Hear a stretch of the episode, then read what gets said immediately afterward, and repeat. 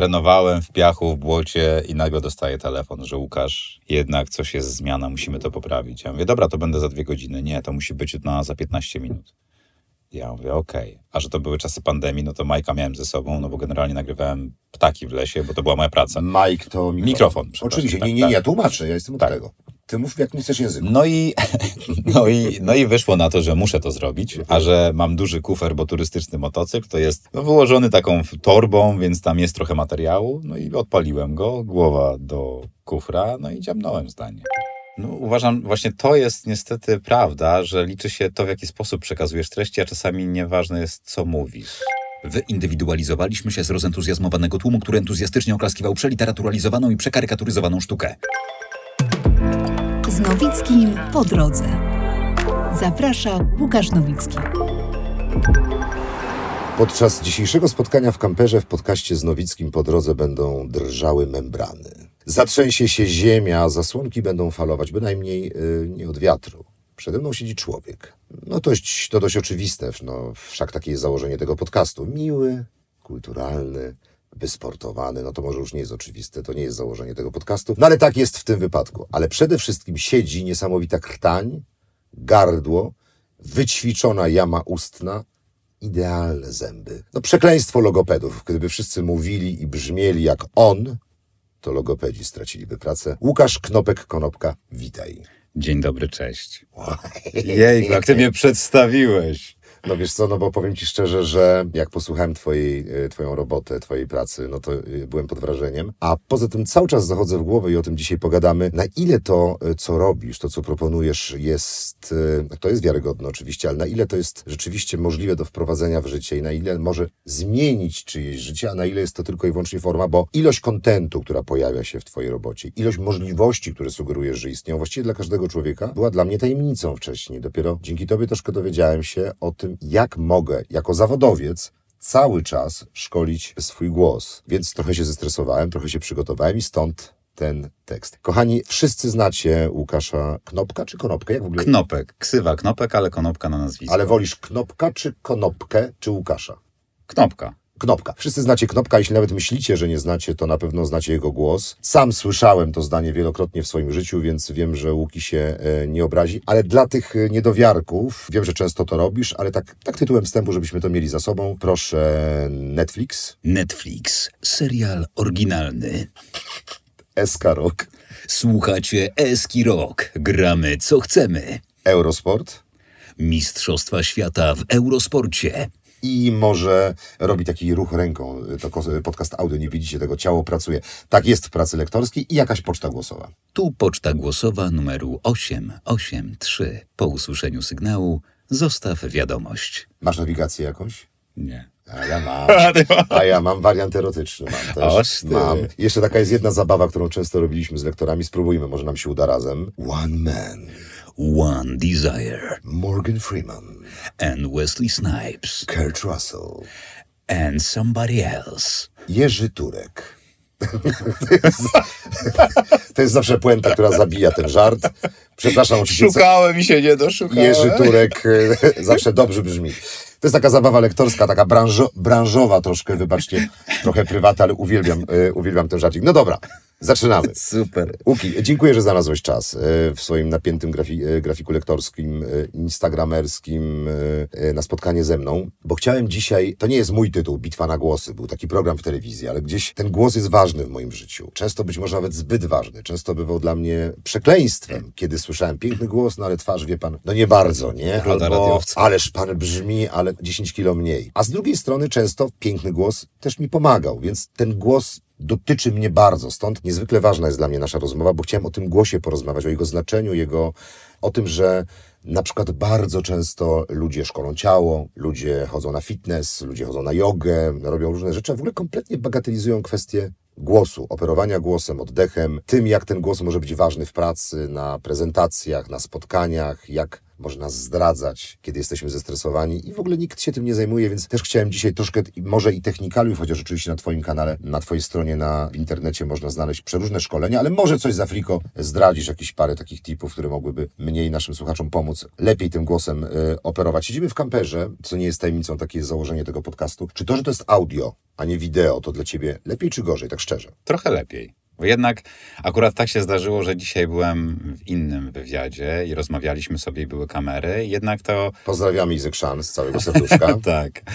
I powiem ci, że ta kamera, to oko takie wielkiego brata w cudzysłowie, no robi taki, taki wprowadza, w moim, przynajmniej, w moim ciele, taki trochę stres, taką ekscytację i dużo bardziej odczuwam to całe przedsięwzięcie niż na przykład jak sobie teraz w ciszy siedzimy we dwójkę i rozmawiamy. Patrzę na ciebie, nie ma innych ludzi. To są dwa różne takie porównania, ale fajnie jest doświadczyć jednego i drugiego. I super, że dwie godziny temu miałem tamto, teraz mam to i widzę, jak jestem spokojniejszy względem tego pierwszego. Prawda, tak jest. Ale pytam też w kontekście, wiesz co, takim, mm, takich współczesnych czasów, Mhm. gdzie już o tym mówiłem na wstępie, troszkę bagatelizujemy dźwięk, y, stawiając na, na, na, na, na, na wizję. Opowiem Ci anegdotę mm, i Wam, kochani. Krótką anegdotę, ale ona oczywiście będzie puentowana pytaniem do Ciebie. To były lata, nie wiem, 90. Kraków, Free Pub, jeden z popularniejszych pubów wtedy, już chyba nieistniejący. Ja zagrałem epizod w Złotopolskich, był taki serial. No nic znaczącego, masażystę. Masowałem Renatę Gabrielską. No to bo, może było znaczące. Postać nazywała się Borys Stojan. No nic wielkiego, nic. I schodzę do tego pubu. Wtedy były, wiesz, było kilka kanałów telewizyjnych. Wzbudzam spore zainteresowanie wielu osób. Jakbym był gwiazdorem z telewizji, bo ktoś mnie gdzieś widział, ktoś komuś coś powiedział. A przy barze pod ścianą siedzi samotny mężczyzna pijący piwo, który tego dnia rankiem słuchany był przez 9 milionów ludzi. Nazywał się Marcin Jędrych i prowadził poranki w RMF-ie. Taka była słuchalność kiedyś radia RMF Wow. I listę Hop Benz i nikt nie wiedział, że to on. Choć był wielokrotnie, wielokrotnie większą gwiazdą niż ja. I teraz pytam, czy cierpisz czasem na kompleks dźwięku i brakuje ci tego, żeby ktoś też cię rozpoznał? Nie. Marcin nie był szczęśliwy wtedy. Może to było tylko moje wrażenie. Ja mam tak, przez to, że 10 lat zawodowo tańczyłem i jeździłem na zawody, startowałem, ludzie mnie rozpoznawali na parkiecie. Jak później trafiłem do dziupli i nagle byłem sam, to wbrew pozorom podobała mi się ta cisza. Podobało mi się to, że, że teraz ludzie mnie poznają jako lektora, nie wszyscy mnie kojarzą i super jest to, że ja mogę pozostać incognito. Mimo mojej ekspresji, którą pokazuję na Instagramie, którą pokazuję na co dzień, jak się gdzieś spotykam ze znajomymi, to ja lubię też swoją przestrzeń i lubię być w niej sam albo wśród tylko najbliższych znajomych i takie turbo rozpoznawanie nie do końca by mi też pasowało. Widzę, co się dzieje na przestrzeni lat, że ludzie zaczynają podchodzić i faktycznie gratulują mi profilu, zbijają piątkę, a bo to jest głos Netflixa i to i tamto, ale nie mam na pewno czegoś takiego, że żałuję, że za mało osób na przykład podchodzi i tak zwraca Czyli nie masz uwagę. kompleksu braku Nie. rozpoznawalności W W ogóle. Bo może Instagram jest też lekarstwem na to, bo mówisz, że przybijają piątkę, czyli jednak stykasz się z tą popularnością. Coraz częściej. Której tak. byś być może nie miał, gdybyś miał tylko głos. To na pewno. Żyjemy w takich czasach, że Instagram, YouTube, te kanały social mediowe sprawiają, że dużo bardziej można się pokazać. Dobrze, no ale Instagram odbiera ci tę tajemnicę. Wiesz, e, kim jest Piotr Kaczkowski, legendarny dziennikarz, który postawił na ten inny wariant, czyli Mm. będę tylko głosem. Okej. tajemnicą. Ja pamiętam, ja chyba już nawet w tym podcaście o tym mówiłem, jak zobaczyłem Marka Niedźwieckiego na festiwalu w Sopocie prowadził, no to nie ujmując niczego, Mhm. niczego panu Markowi, no ja wyobrażałem go sobie jako niedźwiedzia. Lista przebojów trójki. Dla mnie on był jakąś mityczną postacią, minotaurem, był dla mnie Achillesem, był, w- wiesz o co chodzi. Tak. No, zobaczyłem szczupłego pana w okularach, no, no zwykłego gościa, nie? I, I gdzieś coś runęło w moim wyobrażeniu. I ciebie sobie można wyobrażać, ale ze względu na Instagram przestajesz być anonimowy. Celowo. Celowo, czyli gdzieś balansujesz pomiędzy tym, Jak najbardziej. showbizem, a jednocześnie tą, tą, tą ciszą i spokojem. Dokładnie. Bo też y, starsza generacja i ludzie, którzy na przykład nie mają Instagrama, no i nie wchodzą, nie patrzą, co się tam dzieje. Więc często jest tak, że jak klient dzwoni, umawia się ze mną na nagranie i faktycznie przychodzę do studia i witam się, no to często padało pytanie, nie raz, a pan do kogo? Bo ja zawsze albo motocyklowo w stroju, jakbym dostarczał Okej. jakąś paczkę i nagle jak zaczynam dopiero mówić, o rany, to panu, jej wydawało nam się, że pan ma 50 lat i to A i tamto. obniżasz głos? Podświadomie, podświadomie, wiesz, w takich sytuacjach, kiedy musisz Czasami, czasami tak, tak. Korzystam z tej przestrzeni klatki piersiowej, żeby fajnie, no bo wiadomo, te niższe tony wzbudzają zaufanie i można fajnie się tym pobawić. Tak jak ty brzmisz, to jest po prostu dla mnie coś pięknego, więc... sobie, ja nie, nie zawstydzaj mnie, Serio, to jak ty więc, brzmisz. więc ja, mam, ja mam wyższy głos nie, niż ty, to umówmy się, nie?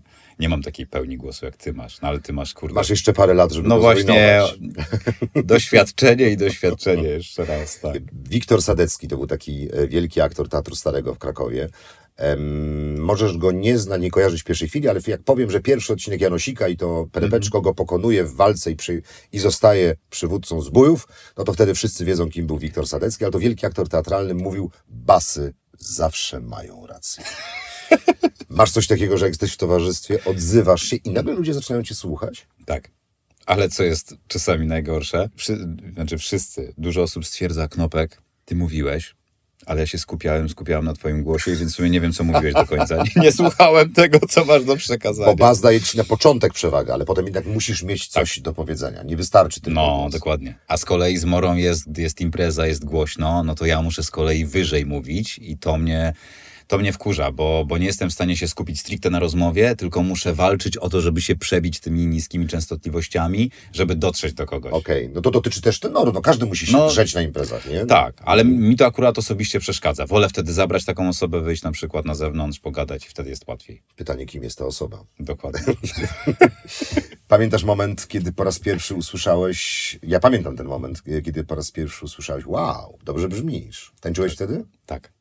To było w okresie e, W, tańca? okre, w okresie tańczenia, podróżowania i, i to była trochę wtedy karta przetargowa. W sensie to trochę tam. Ale człowiek- ten moment pamiętasz, ten, ten, to pierwsze? Nie, czy nie? Czy, czy Pierwsze to są znajomi ze środowiska tanecznego, ale konkretnej takiej osoby Mhm. nie jestem w stanie wskazać, bo ja przeszedłem mutację bardzo szybko i już w podstawówce, mając nie wiem, 13-14 lat, kiedy chciałem ściągać, już nie mogłem mówić, ej, co tam jest w tym drugim pytaniu, bo już dudniłem względem moich rówieśników. Ja, konopka, nie gadaj. Nie, mówię, dobra. Więc od samego początku bardzo szybko to nastąpiło. Ale chodząc na, tas- na castingi taneczne, non-stop miałem zwracaną uwagę, jak mówiłem wizytówkę, że panie Łukaszu, czy tam Łukasz wtedy mówi, nie pracujesz w radiu, zrób coś i tak dalej, i tak dalej. Ja dopiero zacząłem się tym interesować. Radiowy głos to jest takie sformułowanie. Dzisiaj Tak. też usłyszałem to sformułowanie y, w sklepie małym, zielonym, których jest więcej niż wszystkiego innego. Radiowy głos. Y, Jest taka anegdota też w Krakowie, teraz mi się przypomniała. Y, To chyba nie, na pewno Jan Frycz. Jan Frycz, wielki, wielki krakowski, wielki polski aktor. Nie pamiętam z kim rozmawiał, ale kumpel mówił, że siedział w garderobie i drżały ściany w teatrze. Takie jeden do drugiego odpowiada. Normalnie rozmawiali, nie popisywali się przed nikim, wiesz. Te rejestry niskie, których nie sposób nie usłyszeć, nie? Czyli które mogą być, które są naszą wielką zaletą, ale potrafią być też y, sporym problemem w sytuacjach, kiedy chcesz coś wyszeptać, nie? Tak, coś po tak. cichu. A powiedz mi, w ogóle cały ten element tańca jest dla mnie ciekawy, dlatego że on na pewno taniec, muzyka, ruch, choreografia pozwala ci też słyszeć. To się gdzieś wszystko ze sobą łączy. No ale rzuciłeś taniec w pewnym momencie. Tak, to była Bo chciałeś być lektorem czy kontuzja? to była. To było następstwo wielu rzeczy, które się wtedy wydarzyły, bo ja już osiągnąłem wtedy to, co chciałem. Wygrywałem zawody, sędziowałem je, żyłem z tego przez dobre Co tańczyłeś? hip-hop.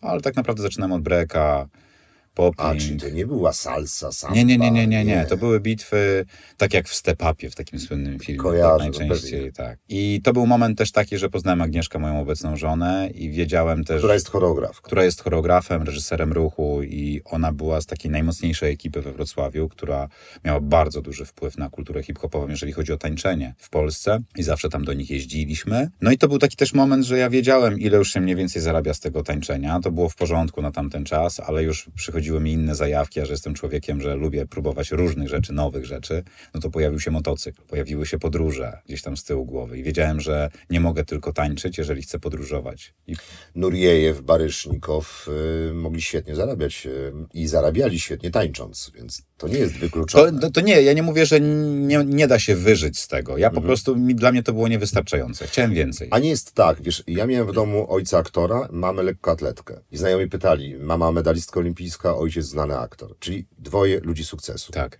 Wspaniale i przechlapane. To Właśnie dokładnie chciałem się ciebie spytać, jak niskim to głosem. jest? No jest Jak to- ciężko. I znajomi ojca, świat ojca, PWST, Szkoła Teatralna, mamy AWF i jednym z powodów wyboru aktorstwa, oczywiście był wpływ ojca, był wpływ Krakowa, w którym żyłem, ale też lenistwo. Na samą myśl, że miałbym wa- walczyć na 100 metrów, wiesz, jako jedyny biały, wiesz, w finale i nie zejdę poniżej 10 sekund i nie mam szans na medale, ale tym treningi mama też mi opowiadała, wiedziałem jak wygląda kariera zawodowego sportowca. Myślę, że podobnie jest stan z tańcem. Po prostu bardzo, bardzo ciężka praca, więc to też nie było lenistwo, jednak mówienie jest prostsze. Nie, na pewno to nie była taka decyzja, że o, zawód lektora będzie prostszy, bo samo dojście do przeczytania pierwszej reklamy albo filmu kosztowało mnie 4 lata, gdzie ja wtedy mieszkałem na Mokotowskiej w Warszawie, Aga we Wrocławiu. Samocentrum, elita. Tak, imprezowa bardzo, więc a propos tego rozkojarzenia i rozproszenia, Okej. tam, było, tam było ślisko. No w każdym razie to kosztowało mnie setki, jak nie tysiące godzin tego Ale mówisz poważnie? Tak, tak. Ja miałem wtedy tak, że wieczorami prowadziłem zajęcia i postanowiłem sobie, dobra, będę lektorem, ale nie chcę być byle jakim lektorem, tak jak mi podpowiadali niektórzy, że a, przeczytasz raz na jakiś czas reklamę, może się uda, może nie. Ja mówię, nie. Skoro pani Krystyna Czubówna jest, Jacek Brzostyński, Maciej Gudowski, to są ikony, mówię, wychowywałem się, słuchałem ich, to ja chcę być kiedyś, za te 15-20 lat, chcę być taki jak oni. Ale tego sposobu myślenia, tego perfekcjonizmu, bardzo mi się to podoba, co mówisz. Nauczył cię taniec? Uważam, że tak. Ja od, ja od dziecka miałem tak, że ja chłono, ja, jak coś mi się spodobało, to ja w to wchodziłem całym sobą i mogłem bez końca wykonywać ćwiczenia. Więc ja nie ukrywam, że przez to, że całą podstawówkę, gimnazjum pływałem i często wstawaliśmy o 5 rano, treningi dwa razy w tygodniu, dwa razy dziennie, pięć razy w tygodniu, to ja tego ducha sportowego przeniosłem do tańczenia i do tego się nauczyłem szybko tańczyć. Z tańc- pracy, odpowiedzialności. tak, tak, dokładnie. Systematyczności przede wszystkim. Bo pytałeś a propos tych wszystkich ćwiczeń, na ile to jest możliwe, żeby osoby mogły osiągnąć Dojdziemy coś. do tego, tak. Dokładnie. No to to wszystko moim zdaniem, się, moim zdaniem się bierze u mnie z tej systematyczności. Że można. Że- Twoje cztery lata pracy pokazują, że można. Tak. Bo nie byłeś tak jak ja, nie miałeś tak łatwo, że wychowałeś się w środowisku artystycznym. Nie miałem Że, znajomości. że nie chodzi o znajomości, wiesz, bo głos to głos, nie przeskoczysz tego. Chodzi o to, że ktoś przy tobie mówi w taki, a nie inny sposób, Mhm. że lądujesz w szkole teatralnej, która uczy cię mówienia, masz zajęcia z dykcji, z impostacji, uczysz się oddychać, masz umuzykalnienie, masz mnóstwo zajęć, które przygotowują cię potem, nawet nie wiesz, że będziesz lektorem, ale uczą cię tego Tak. przy okazji. Ty tego nie miałeś, ty tańczyłeś, ty zajmowałeś się bardziej swoim ciałem, a nie słowem. Więc musiałeś wszystko wygenerować sam. Dokładnie. Natomiast świadomość ciała bardzo mi pomogła, bo tak jak wspominałem na TEDxie w zeszłym roku i dzięki temu, że Agnieszka jest właśnie po szkole aktorskiej, ona jest akurat po Bytomie, po Wydziale Teatru Tańca. Mhm. No i to też przez to, że ona się non-stop rozwija w tych kierunkach w połączeniu świadomości ciała, to pokazała mi Rudolfa Labana, takiego teoretyka tańca, choreografa. To jest taki edukator. Fajnie. W XIX wieku żył i on fajnie pokazał współzależności ciała i głosu. Że my możemy mówić na różnych jakościach, że ten głos może być ciężki, może być, może być różna przestrzeń, może być ukierunkowanie w punkt, może być to rozproszone. I jak zacząłem o tym czytać, to nagle doszło mi nagle zrozumiałem, że to wszystko jest ze sobą połączone. Dlatego jak się stresujemy i nie potrafimy pozbyć się tego stresu, to uważam, że dlatego to później nagle słyszymy w głosie, że ktoś się stresuje. No bo jak ciało jest spięte, no to głos też będzie spięty.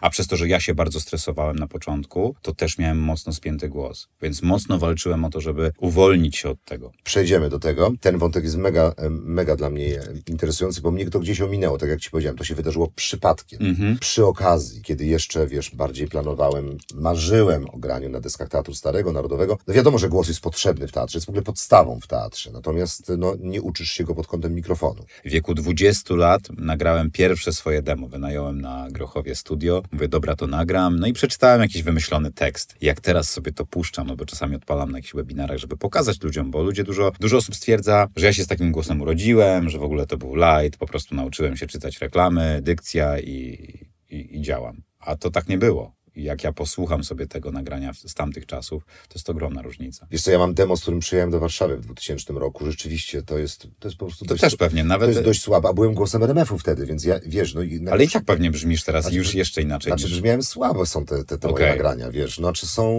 są jakieś płaskie, jakby brakuje w nich y, głębi, Mhm. brzmienia, takiej melodii, takiej fali. Tak, nie tak. potrafię tego wyjaśnić. Są takie... Ja myślę, że to jest doświadczenie. To jest to, że no jesteś starszy ode mnie też. No i to, to ma diametralne znaczenie dla głosu. Początki twojej lektorskie, o których często mówisz, y, powiedziałeś o tym już dzisiaj dwa razy, bo to też jest bardzo ważne, żeby podkreślić, że to nie było tak od razu kolorowo, bo było tak, że nie było zleceń. Nie. Nie, Nie. było. Mam do tej A pory... co, nagrywałeś do ściany? Co robiłeś wtedy? Ja, ja wtedy miałem takie coś, że dałem sobie półtora roku, że już kończyłem prowadzić zajęcia i z tego się utrzymywałem. Drugi raz mówisz o zajęciach. Jakie to były zajęcia? Z hip-hopu. Hip-hopu, Taneczne, okej, tak, na terenie okej. Warszawy. I ja sobie dałem, że dobra, to powoli zaczynają wpadać te zlecenia, ale to Mhm. na zasadzie raz na miesiąc, raz na dwa miesiące, ale we wrześniu za rok o tej porze ja będę się już z tego utrzymywał. I to był mój cel. A gdyby się nie udało, miałeś się plan B? N- Nie było. Plan B mówię, bo Mokotowska niedaleko, więc No tak. nawiązuje do twojego zamieszkania. Mhm. Cudowny jest plan B. Natomiast na tamten czas chodziłem do planu B, ale tego planu B na lektorstwo, na inną rzecz niż lektorstwo nie miałem. Stwierdziłem, że po prostu albo rybki, albo akwarium. Po prostu musi mi się to udać. Ja zawsze nie wiem skąd to miałem. Miałem takie coś, że że czemu miałoby mi się to nie udać? Skoro robię wszystko, angażuję na 200% swoje ciało, to wyobrażałem sobie to, wizualizowałem, wierzyłem w to, że w końcu zadzwoni telefon i powiedzą Łukasz, mamy dla ciebie film. Telefon nie dzwonił, wkurzało to, irytowało, poddawałem się wielokrotnie, ale wracałem przez tą nieustępliwość. Dla mnie porażką jest wymyślenie czegoś i poddanie się w trakcie. Dlatego, dlatego ten pierwszy, ten początkowy okres był trudny, ale ten mój charakter mi nie pozwolił na to, żeby zostać. Ale miałeś jakiś moment y, załamania? Taki... Wielokrotnie. Tak? No bo wiesz, budzisz się, tren- mija na przykład dwa i pół roku, gdzie codziennie trenuję po godzinę dwie samogłoski, później na przykład odpalam sobie na tamten czas z torrentów filmy i słucham Tomasza Knapika, świętej pamięci Macieja Gudowskiego, melodię tą miele, miele, dzwonię do studia, przepraszam, czy mogę zostawić demo i wtedy jeszcze z płytą CD jeździłem i zostawiałem na rowerze i wchodziłem, odezwiemy się do pana. No i Okej, i jest ten strzał. Siedzisz, ja lubię takie momenty zwrotne. Też swój pamiętam. No. E, Jest ten moment, bracie, że dzień dobry, zapraszamy. Pamiętasz, co to było? SK Rock. Taki kaliber na początek? Pierwsza moja fucha A lektorska. nie miałeś nagrania żadnego wcześniej za pieniądze lektorskie? Nie, Nie? to nie, miałem, nie miałem. Nie, nie do uwierzenia. Brałem udział w reklamie do telewizji, to była jakaś SK, nie wiem, czy tam TV, no mniejsza z tym. I tam po prostu poznałem ludzi. To był ten moment, w którym tam wojewódzki odszedł, taka była duża Mhm. zmiana. I potrzebowali głosu. I ja wiem, że dzięki takiej jednej mojej koleżance, bo ona mnie poleciła, się dowiedziałem po kilku latach dopiero, że, że tam padło moje nazwisko. Ale pamiętam do dziś, siedziałem w pokoju w Józefowie, grałem sobie jakąś gierkę i dzwoni telefon i myślałem, że z castingu do mnie zadzwonili, że jakiś kolejny casting taneczny, coś tam. Ten. No i się okazało, że Franku do mnie zadzwonił. No i że chce mnie zaprosić na rozmowę, bo, bo właśnie szukałem głosu. I kopara mi opadła, nie mogłem w to uwierzyć.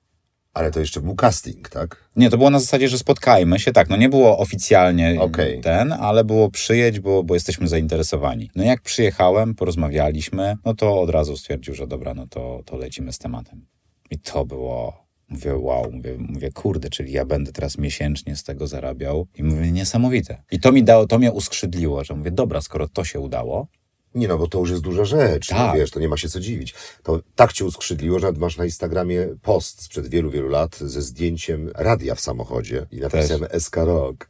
Też, też. mnie to ujęło, bo to było takie No. chłopięce, takie, takie, takie, no, no tak widać, no bo to... takim poście widać radość i szczęście i dumę z tego, co się robi. No tak, bo wiesz, marzysz o tym, widzisz to w swojej wyobraźni, rzeczywistość wygląda zupełnie inaczej, a nagle przychodzi moment, w którym to ci się udaje.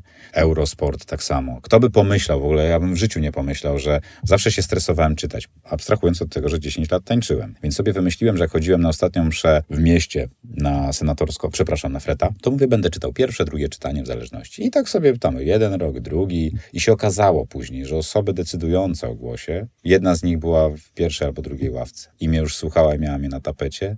I dopiero później się znowu dowiedziałem, bo był casting, bo to, bo tamto. No i, i dostałem się, nie? Łuki opowiada o tym, słuchajcie, że y, no i to będzie truizm i oczywistość, że w życiu czasami trzeba mieć szczęście, czasem rządzi nami przypadek, oczywiście wypracowany przez lata przygotowań. To nie jest tak, że to jest tylko fart. Ja w szkole teatralnej, to był drugi rok, mój przyjaciel Zby, Zbyszek Dziduch, nasz kolega lektor. Euro, lider rynku RTV jak jeden w Polsce. Zbysiu, przepraszam, wiesz, że uwielbiam ci dokuczać. Zbynek y, mówi, ty zobacz, staliśmy w wejściu, było gorąco, mieliśmy koszulki na ramionczkach, byliśmy strasznie spoceni, myślę, że nie najlepiej pachnieliśmy. Przerwa w zajęciach, mówi, taka kartka wisiała, wiesz, na tablicy ogłoszeń w szkole teatralnej. Nieustraszeni łowcy dźwięków, studio w Krakowie, szuka lektorów. Zwariowałeś? No i pojechaliśmy. Na owe czasy to był kawał drogi pod górze. I wchodzimy. Oni potem powiedzieli, że zwariowali, nie? że na raz weszły im dwa takie głosy. W jednym momencie, nie? Najpierw, cześć, jestem Zbyszek. Cześć, jestem Łukasz, nie? Pamiętam stawkę 18 zł, mogę zdradzić. I dostałem reklamę tego dnia do przeczytania i to było Pink Floyd, Pulse. Nowy album już w sklepach. To pamiętam. Wow. 18 zł. A Zbyszek coś innego przeczytał chyba, e, długopisy Reynolds. A ty pamiętasz pierwszą reklamę? Mi, a ostatnio nawet znalazłem, bo przygotowuję się No. do szkolenia, to były misie, lubi się. Mi się lubi się. Mi się lubi się, tak. I znalazłem ten, nawet mam wydrukowaną kartkę z tamtego okresu. Ale byłeś misiem lubisiem? Cała reklama. Ale misiem nie byłeś w tej reklamie. No właśnie już nie pamiętam. Bo ja byłem kubusiem kiedyś, dlatego pytam soczkiem. A, okej. Nie, no to ja soczkiem, byłem kubusiem z soczku. nie pamiętam już. Nie no. pamiętasz. No. Czyli mi się lubi się to twoja pierwsza reklama. Pierwsza reklama. Czy różnica była między Eską, Eurosportem, a tą reklamą w stresie? Bo to zazwyczaj Bardzo. przychodzi agencja, klienci, wielkie EO. Tak. To było, to było dla mnie stresujące, że siedzi klient, że widzę obrazek i w ogóle samo to, że ja muszę mniej więcej się trochę dopasować do tego obrazka, to to było dla mnie dziwne. No bo jak przychodziłem do Eski, no to tekst nagrywam No jasne, tak. i, i wychodzę, a tu nagle, nie panie Łukaszu, to my byśmy poprosili tak bardziej na uśmiechu. To tak, to tak. No i teraz moją rolą było na tyle elastycznie władać tym głosem, żeby oczywiście spełnić te kryteria klienta. I to było stresujące. Lubię tę anegdotę o tobie, y, że nagrywasz pierwszy film, który y, idzie bez dźwięku. Znaczy, Tak. znaczy, nie, bo to jest, no bo to coś znaczy. Ja nie wierzę w przypadki. Debiut i emisja bez dźwięku. Tak. Lektor, film z lektorem bez lektora. Jak to się wydarzyło? Dla jaj ktoś to zrobił? Nie wiem, wydaje mi się, że to było już tam gdzieś dalej, no coś musiało zawieść, bo wszystko było pięknie nagrane w studiu, ale później, kiedy już wszystkim ogłosiłem na social mediach, na Facebookach, słuchajcie, Knopek nie tańczy, tylko będzie teraz czytał, ciocia daj głośniej, no bo już się zaczęło i nagle, a to był film o wilkach w Bieszczadach, no i nagle cisza, mówię, ciocia daj głośniej, nie? No nie, no już jest na full, nie? I Ale le- naprawdę siedziałeś z ciocią? tak, bo ja nie miałem, bo to było dla National Geographic. I... To ten Józefów? no w Józefowie, pod, Józefowie. War- pod No Warszawą. ja mieszkam w Międzylesiu. A, no to wiesz, tak, no to tak. A moje dzieci do Józefa chodzą do szkoły. A, innymi, no to ja tam dzieciństwo spędziłem. No i wchodzę na social media, patrzę tam na komentarze, ej, macie głos, ej, macie dźwięk, ej, u mnie też, u mnie też. No i się okazało, że poleciało bez dźwięku. Mówię, dobra, nie martwcie się, będzie po- powtórka jutro. Powtórka też poszła bez dźwięku i dopiero za trzecim razem wyemitowali. Piękna historia.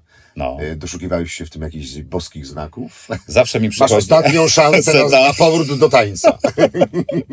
Zawsze mi się wtedy tak do głowy przychodzi, że nieważne jak zaczynasz, ważne jak kończysz, nie? I to jest takie coś. Słuchałem dzisiaj podcastu o aferze Rywina i od razu przypomina mi się jeden z bohaterów tego podcastu, afery Rywina, były premier Leszek Miller, który właśnie z tego zdania, Mhm. tym zdaniem również zasłynął. Polecę Ci, bo wiem, że też zdradzę tajemnicę, że Łukasz jest, e, lubi chód, morsuje. Mam świetną miejscóweczkę w Józefowie do morsowania w Świdrze. A nad Świdrem. Tak, A przy, przy, gdzieś na tych, na... Przy moście to wszyscy morsują, a ja mam lepszą miejscóweczkę. Gdzieś tam czerwone mury może? Nie, no nie, mogę powiedzieć, Nie możesz, no, dobrze, prywatnie, dobrze. bo zrobi się tłumek, a chodzi o to, żeby, żeby było intymnie i cicho. Gdzieś też wyczytałem, że e, nie tylko twój pierwszy e, film e, poszedł bez dźwięku, ale też nagrywałeś za kupony, czy coś w tym stylu. Ja, ja nigdy w, barter, ja, w barterze zdarzało mi się nagrywać. A, to tak, tak, tak. tak, tak. za jedzenie No nagrywałeś. oczywiście, że tak. Ale Jaki to, to no, był? Nie oczywiście, bo to nie jest standard. No właśnie mi się wydawało, że to takie... A to takie baba, dosta- reklamę? Nie, to było tak, że w ogóle, i to jest też historia, bo to było, ja tak się dostałem do, przez jakiś czas do Radia Kolor. Chodziło o to, że byłem na realizacji dźwięku i dziennikarstwa rok na studiach i tam nagrywałem swoją pierwszą audycję o kulturze hip-hopowej. Soul Corners, Radio Zakątki Duszy, no mniejsza. Nie no, nie mniejsza, za- zajebista. No to jest, to No. było, to było dla mnie też takie pierwsze zetknięcie się z mikrofonem. I szedłem do toalety i mijałem gościa. I na zasadzie takie, wiesz, śmiało, wychodź, ja, ja wejdę. I powiedziałem dosłownie kilka słów. A on się odwraca do mnie i mówi, stary, mówi, ja pracuję w Radiu Kolor, jestem producentem, coś tam powiedział. Mówi, masz wizytówkę. I u mnie to już, wiesz, od razu ci Mówię, dobra, z płytą jeździłem, wchodziłem do tych wszystkich rozgłośni, nikt mnie nie chciał, a tu nagle taka okazja się pojawia. Bo to zawsze, bo to, to w toalecie się dużo ważnych rzeczy dzieje. Tak, tak samo jak w kuchni na imprezie. Tak, tak, tak, tak. I od tego momentu ja przyjechałem do nich, okazało się, że jeszcze się nie nadaje. Po trzech miesiącach tyrania w domu, melodii, czytania wszystkiego, jeszcze raz nagrałem próbkę, udało się. I mi zaproponowali kupony właśnie, że będę czytał takie właśnie różne reklamki i będę miał kupon do knajp. Ale to nie był kebab, tylko była gesslerowa, sushi, indyjskie i mając, wiesz, 21, dwa latać normalnie hot dog na stacji to był, wiesz, full, to nagle mam do wykorzystania i to jest bon na przykład na cztery paki ja muszę wydać te 400 zł, bo jak kupię coś za 100, to te 3 mi- 300 mi przepadnie. Czyli znajo- miałeś dużo znajomych wtedy, Więc prawda? wtedy Dużo przyjaciół się Poznałem wtedy, to, to był ten okres, jak już Agnieszkę poznawałem, więc to mogłem się super wykazać, wjechać, zabiorę cię do knajpy indyjskiej, ja stawiam. A nie gotowałeś też sam? Bo wtedy się wykazujemy jeszcze bardziej. Tak. Ja wtedy już byłem po w ogóle szkole gastronomicznej, bo ja na Poznańskiej kończyłem gastronomię O na profilu kucharz. Tak. I chciałem być kucharzem. Jakoś tak mój tata uwielbia gotować, robi super rzeczy i to mnie zainspirowało, ale stwierdziłem, że jak już zacząłem tańczyć, to mówię, nie, olewam to. No ale a propos tych kuponów, mogłem korzystać. Najbardziej wykwintne danie pamiętasz? A to tam Na niedaleko na niepodległości, bo to było w, w Radio Kolor, tak? Radio Kolor, no? No to nieopodal było Papu, taka była restauracja, pamiętasz? Oj, nie. No. Teraz wyszedł wiek. Teraz wyszedł wiek, nieważne. Pamiętam najlepszy Ja- krupnik w życiu. To ja wtedy szczyciłem się właśnie, że mogłem pójść na sushi albo do knajpy indyjskiej. Ale też prosiłbym cię, żebyś nie deprecjonował y, kebabów, bo zresztą nieopodal ciebie, nie, nie, nie, już nie chcę używać nazwy, jest najlepszy kebab w Józefowie, Ale nie, w to, że- Polsce, to, nie? że ja powiedziałem, Opalany że- drewnem, No, wiesz, Fazir. No, fazir. Fazir welcome. Więc to jest żarcie na poziomie światowym, nie? Nie, ja uwielbiam, ja no. uwielbiam to, żeby nie było. Wtedy Mhm. kebab, no to, to było też takie normalne, nie? Mhm. A tutaj było nienormalnie. To A, było... a teraz z kolei się odwróciło, no. Stać mnie na sushi, ale chodzę na kepsy, no. Bardzo ładne zdanie wyczytałem. Troszkę zmieniam klimat rozmowy. Twoja żona napisała, to są jej słowa, że niełatwo jest utrzymać swoją jakość przy takiej osobowości jak Łukasza. Jak myślisz, o jakiej cechach osobowości myślała twoja żona? To są jej słowa. Ja myślę, że Agnieszka jest jedną z nielicznych, a w sumie jedyną kobietą w moim życiu i w, które znam, która była w całym tym procesie. I myślę, że chodzi o to, że ona wielokrotnie mi powtarzała, że no, ona była zdumiona tym, jak potrafiłem mimo wszystko zarywać noce, trenować, jak się nie poddawałem. Widziała wszystkie te moje upadki, te wszystkie moje zwątpienia i ona widzi cały czas, że ja mam taki zestaw cech charakteru, że ja cały czas, ja chcę się, roz, ja pragnę się rozwijać. I wydaje mi się, że to chodzi o to, że jej to imponuje, a czasami ją to przeraża, że ja się nie potrafię zatrzymać. Ja bym tak to skomentował. Naprawdę można się nauczyć lektorstwa przez internet? Myślę, że tak. Zdecydowanie. Nawet jest łatwiej niż ja miałem, no bo ja musiałem poświęcić na to 4 lata. Gdyby wtedy, ja sobie zadawałem zawsze pytanie, gdyby wtedy był kurs, gdyby był taki knopek, który zrobiłby taki kurs w jednym miejscu, jak zostać lektorem, od razu bym poszedł do rodziców, poprosił, żebym się zapożyczył i bym to kupił. Bo najtrudniejsze jest to, że masz cel, masz marzenie, ale nie wiesz, jak, tego jak, nie wiesz, jak to zrealizować.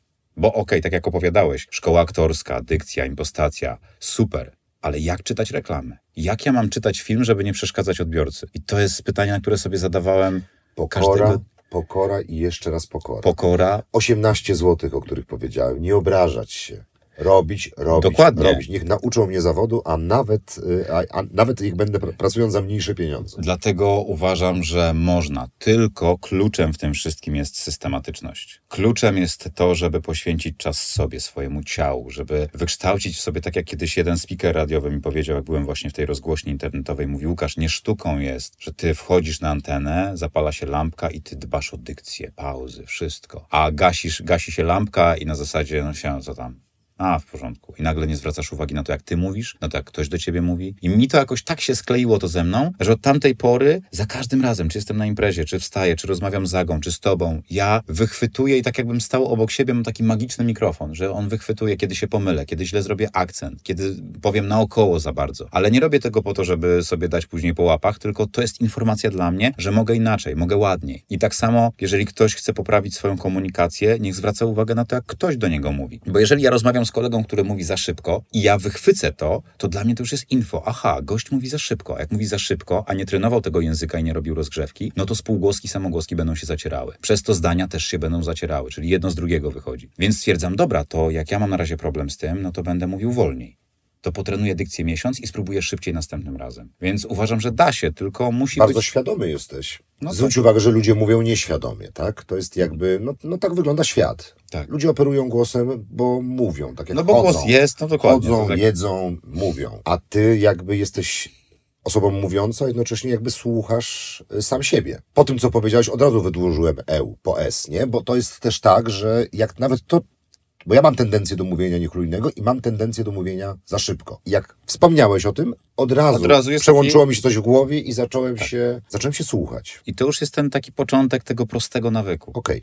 Powiedz mi, czy zdarzyło Ci się kiedyś e, na tym kursie, do którego przechodzimy, który przeszedłem na Twojej stronie, w ogóle gratuluję strony, ale o stronie za chwileczkę, czy zdarzyło Ci się kiedyś ponieść klęskę? W tym sensie powiedzieć, przepraszam, no lek lektorem Pani, Pan nie będziecie. To jest niemożliwe. Nie jestem w stanie powiedzieć czegoś takiego drugiej osobie. No chyba, żeby... Właśnie, no ale jesteś, ale wiesz co, no ale może tego nauczyła mnie szkoła teatralna. No czasami prawda jest potrzebna, żeby ktoś nie zmarnował sobie iluś lat życia. To inaczej sprostuję. To nie jest tak, że ja kogoś oszukam i mimo wszystko, jeżeli ktoś mi będzie dukał albo będzie miał problemy, wady wymowy, będzie się jąkał, powiem, nie, stary trenuj, za trzy miesiące będziesz lektorem. Nie. Jeżeli ktoś przychodzi do mnie z problemem, który jest poza moimi granicami, bo ja jestem Okej. specjalistą, ale ja mówię, słuchaj, idź do logopedy. Idź do specjalisty, idź do foniatry, zobacz swoje struny głosowe. Jeżeli dostaniesz od niego konkretny zestaw ćwiczeń, rób je przez 3-4 miesiące, pozbądź się tych złych nawyków, które masz na leciałości z dzieciństwa. I czekam na ciebie. I jednocześnie możesz, jeżeli będziesz miał czas, ochotę, chęci, trenuj na mojej platformie. Bo od powtarzania brabre, bribro, bru nagle nie cofnie ci się mowa i nie będziesz źle mówił. No sko- skoro pracujesz tym jęzorem, no to będziesz pracował, ale plus jeszcze będziesz miał zestaw od logopedy. Dlatego stwierdzam, że ni- nigdy nie powiedziałem takiego jednoznacznego nie będziesz. Jeżeli ktoś ma bardzo wysoki głos i stwierdził, że chce brzmieć tak jak ty, to ja mu powiem, no stary, no nie. Niemożliwe. No to jest niemożliwe. Ale za każdym razem też powtarzam, że każdy ma piękną średnicę tego swojego głosu i nie sztuką jest mówić jak najniżej, bo często ludzie też się nagrywają do mnie w wiadomościach prywatnych. Próbują specjalnie ten głos tak Nie obniżyć. no, bo jest mit panujący niskiego Dokładnie. głosu. Nie oszukujmy się. I lektorzy w większości reklamowi, filmowi mają głosy niskie. No to też, no... No, No ale no na tak przykład jest, Maciej nie? Gudowski ma... No, ale to jest baryton jednak, nie? To nie jest wysoki tenor, to nie jest Jacek Wójcicki, to nie jest falset. Mhm. No ale ma wyższy niż my. No Piotr Borowiec na przykład ma No tak, bardzo tak. niski głos. I samo to w ogóle, jak sobie czytałem kiedyś, samo to, że my mamy niższe głosy, to my w ogóle wolniej mówimy. Wyższe głosy szybciej mówią. Taka ciekawostka. Nam jest trudniej szybciej mówić, przez to, że mamy niskie częstotliwości. Bo z inną prędkością brzmią... I jak e, mówimy szybko, mówimy niechlujnie wtedy, Na bo nie przykład. nadążamy. Tak, bo chodzi o to, że struny głosowe drżą z dużo większą prędkością, jak są wyższe tony. Ogromny problem. Też się z tym zmagam i wiem, z czego to się bierze, ale ty o tym mówisz w swoim, e, w swoich, na swoich szkoleniach. Yy, yy. Czy to wynika z tego, że my nie wiemy, co chcemy dalej powiedzieć i to yy zapełnia czas, kiedy mózg preparuje kolejne zdanie, czy można się tego jakoś w jakiś Ja uważam- sposób pozbyć? Ja uważam, że to jest połączenie stresu i tej sytuacji, podczas której my boimy się tej pauzy. Bo pauza i cisza jest niekomfortowa. Ona zwraca uwagę na siebie. Zwróć uwagę, że jak jedziesz na przykład samochodem w radiu, nagle coś się zepsuje, jest cisza, od razu, nieważne czy są korki, nie gra. Cisza boli. Cisza boli też, ale cisza daje skupienie, daje czas na zastanowienie. Więc ja za każdym razem, to jest jakby pierwsza rzecz, to nie jest tajemnica. Może zastosować to, o czym rozmawialiśmy przed chwilą a propos rad, że skupiam się na tym, co ja mówię, co ktoś mówi, czyli taki magiczny mikrofon o, o poranku. Nie jutro, nie pojutrze, tylko dzisiaj. Od rana do wieczora. Nieważne, czy się komu- komunikuje do pieska, kolegi, koleżanki, żony, męża. To jest pierwsza rzecz. A druga, wychwytywanie albo obejrzenie swojego występu, swojego szkolenia w pracy. Jeżeli wyłapię to y, to próba dobra, to jutro spróbuję ograniczyć to do chociaż o jedno y mniej. Ja dostałem takie ćwiczenie wtedy, jak byłem rok na realizacji dźwięku i dziennikarstwa. Wziął mnie dziennikarz i mówi, dobra Łukasz, na środek, mówi, bierz, tutaj masz gumkę, recepturkę, dwie minuty stoper, opowiadaj. A mówię, jak to opowiadaj? Mówi, no, no śmiało, leć. Nie może być y, po prostu szyj. Może być to głupie, może coś tam, opowiedz. No i to mi dało znowu do myślenia, okej, skoro wstydzę się swojego głosu, dużo osób nie akceptuje swojego głosu, to jest też bardzo ważne, no to mówię, będę o każdego ranka na przykład przez 5 minut opowiadał, co widzę za oknem. I będę mówił raz wolniej, raz szybciej, stosował pauzy, zastanawiał się, co się dzieje w moim ciele, kiedy jest ta pauza i nie wiem, co powiedzieć do końca. I to jest trening, który nie kosztuje dużo, bo jeżeli stoję w korku, to mogę opowiadać, a już trenuję. A ważniejsza jest Twoim zdaniem pauza, o której wspomniałeś, czy słowo? No, uważam, właśnie to jest niestety prawda, że liczy się to, w jaki sposób przekazujesz treści, a czasami nieważne jest, co mówisz. Będziemy mieli za chwileczkę taki mały teścik dla Ciebie. Tak. Nie, bo ja znam takie zdanie, nie wiem, czy się z nim zgadzasz, że na pauzę trzeba sobie zapracować. No bo zdanie nie może się składać wyłącznie z pauz, czyli No tak. musi być pewna treść, musisz zainteresować rozmówcę, interlokutora, słuchacza, kogokolwiek, widza i wtedy, jeżeli on już jest w twojej Mhm. historii, możesz się pauzą bawić, ciszą. Można. Jeżeli go masz, jeżeli masz jego No fajne, skupienie i no. uwagę. Zgodzę się z tym podejściem, ale żeby sobie zasłużyć na nią? No, tym słowem, które padło przed pauzą. Jeżeli zdanie składałoby się wyłącznie z pauzy, no mielibyśmy wyłącznie ciszę. Nie wiem, no tak, tak. Fajna, fajna rozkmina. Muszę Tak nas, e, zastanowić. tak nas y, uczono. Często mówisz o tym że, e, w swoich materiałach, że drażnią cię może za duże słowa, źle stawiane akcenty. Tego się można nauczyć e, nie czytając książek na przykład, bo moim zdaniem ubogość języka Mm. nie jesteś w stanie serialem, filmem zastąpić literatury. To jest moje zdanie, ale ja jestem starym dziadem. Żeby mówić poprawnie, stawiać poprawnie akcenty, trzeba znać język polski, a żeby znać język polski, no to trzeba czytać książki, dobrych pisarzy lub zagranicznych z dobrymi tłumaczeniami, czy nie? Na moim przykładzie. Kiedyś, czyta, kiedyś czytałem bardzo dużo książek psychologicznych i wtedy faktycznie poznawałem tą literaturę, ale przez to, że zacząłem bardzo dużo czytać filmy, no to po 10 godzinach, jak wracam do domu, to, to nie mam, nie przychodzi mi do głowy, przeczytałem 100 stron a 4, o, przeczytam sobie książkę. I mam momenty w swoim życiu, że ja na przykład nie przeczytam ani jednej książki przez 7 miesięcy. I boli, Okej. i boli mnie To to. skąd akcenty? Skąd, skąd umiejętność stawiania akcentu? Czujność. Przez to, że byłem u logopedy, przez to, że pani Irena pokazała mi te akcenty, ja się ich nauczyłem i sobie wryłem je po prostu w mój wspaniały mózg, to ja później czytając film, czytając dokument, ja traktuję to jako trening. I nieważne, że tam może nie będzie jakichś specjalistycznych słów albo pięknej polszczyzny, bo czasami tłumacz oczywiście też da ciała, ale czasami teksty są pięknie napisane. To ja z tego korzystam, biorę to, co mam. Więc uważam, że nawet jeżeli nie czytam dużo literatury i nie jestem w tym biegły, to trenuję z tym, co mam. W pracy czytam, to czytam na głos, jestem czujny, czytam ze zrozumieniem i to jest moim treningiem. Wypowiadanie się do ciebie jest moim treningiem. Więc specjalnie nie przeznaczę na to czasu, ale zrobię co w mojej mocy, żeby powiedzieć ładnie. Często mówisz o melodii zdania. I to jest dla mnie ciekawe, bo chyba nie ma jednej i oczywistej recepty na tak zwaną poprawną melodię. To jest, zwróć uwagę, dzieci są tego cudownym przykładem. My jesteśmy z tego przykładem.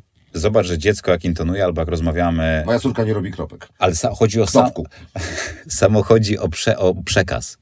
Jak, jaka jest intonacja, kiedy rozmawiamy, kiedy jesteśmy w komfortowej sytuacji? Jest góra, dół, są pauzy, zaciekawienie. Bawimy się. Słuchaj, zobacz, tato samolot.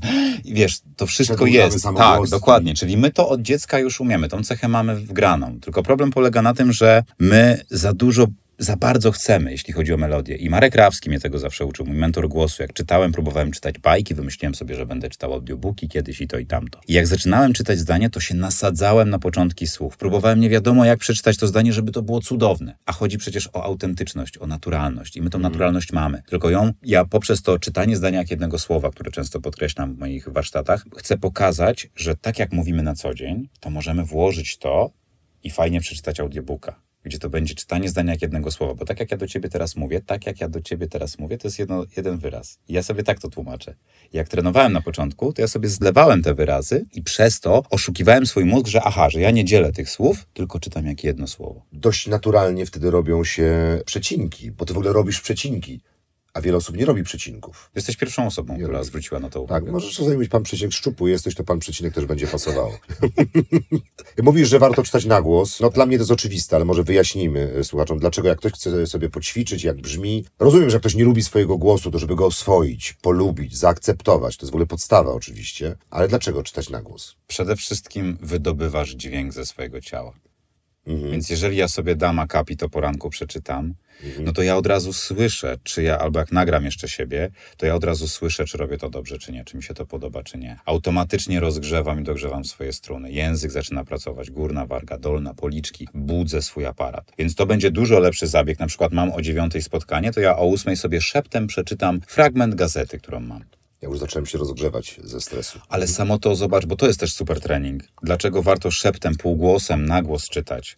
Bo to wymaga od ciebie aktywacji narządów artykulacyjnych. Jeżeli ja chcę do ciebie mówić szeptem, to ja muszę teraz bardzo uplastycznić wszystko po to, abyś zrozumiał. I nie da się mówić szeptem, niechlujnie. Jeżeli ja dodam do tego teraz głos i zejdę do takiej naturalnej mowy, no to nagle popracowałem, pokazałem sobie, że mogę, no i mówię. Płyną z tego profity. Ale powiedziałeś bardzo ładną rzecz o dzieciach przed chwilą, Tak. nie? Że dzieci mają taką umiejętność, którą się rodzą, potem czasami y, ją zatracają, jak wiele innych, No, poprzez oczywiście. socjalizację i to, co z nimi robimy. Ale generalnie twój kurs jest od 10 roku życia, co mnie zmartwiło, bo na przykład moja córka już nie mogłaby do twojego kursu sześcioletnia przystąpić. Dlaczego stawiasz taką Jest, granicę? nie, co? jest, jest kurs dla dzieci.